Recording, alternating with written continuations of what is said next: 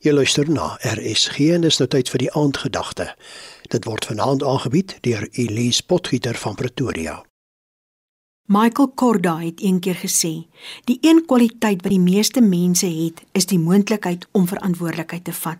Goeienaand luisteraar. Wie neem geestelik die leiding en verantwoordelikheid in jou lewe?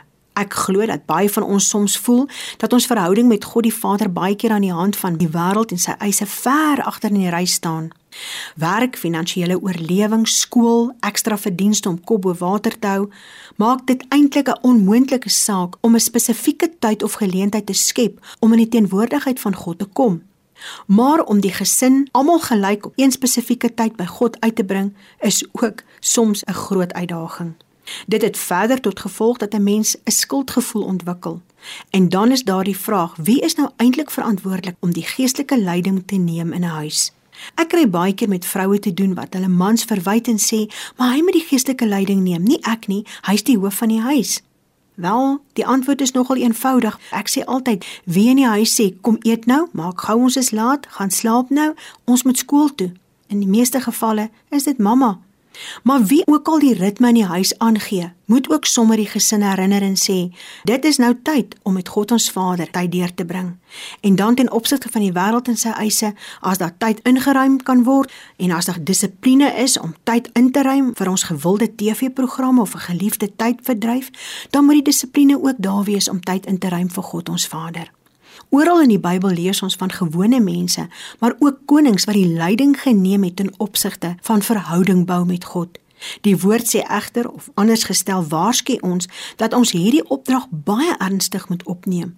Ons moet ook vir ons medemens geestelik verantwoordelikheid vat. Galasiërs waarsku ons so: Broers, as iemand in die een of ander sonde val, moet julle wat julle deur die Gees laat lei, so iemand in 'n gees van sagmoedigheid reghelp. En pas op, jy kan self ook in versoeking kom. Dra mekaar se laste en gee op dië manier uitvoering aan die wet van Christus.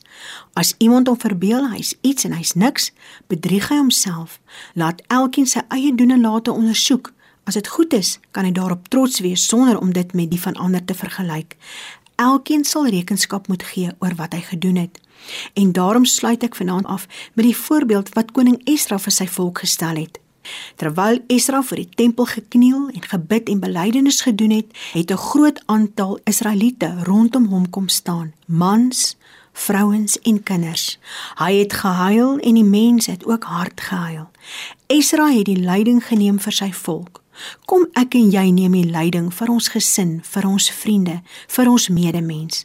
En daarom is ons gebed vanaand: Vader, leer my om leiding te vat vir my gesin, my vriende, my kollegas, om ons almal in U teenwoordigheid te bring. In die naam van Jesus Christus bid ek dit. Amen.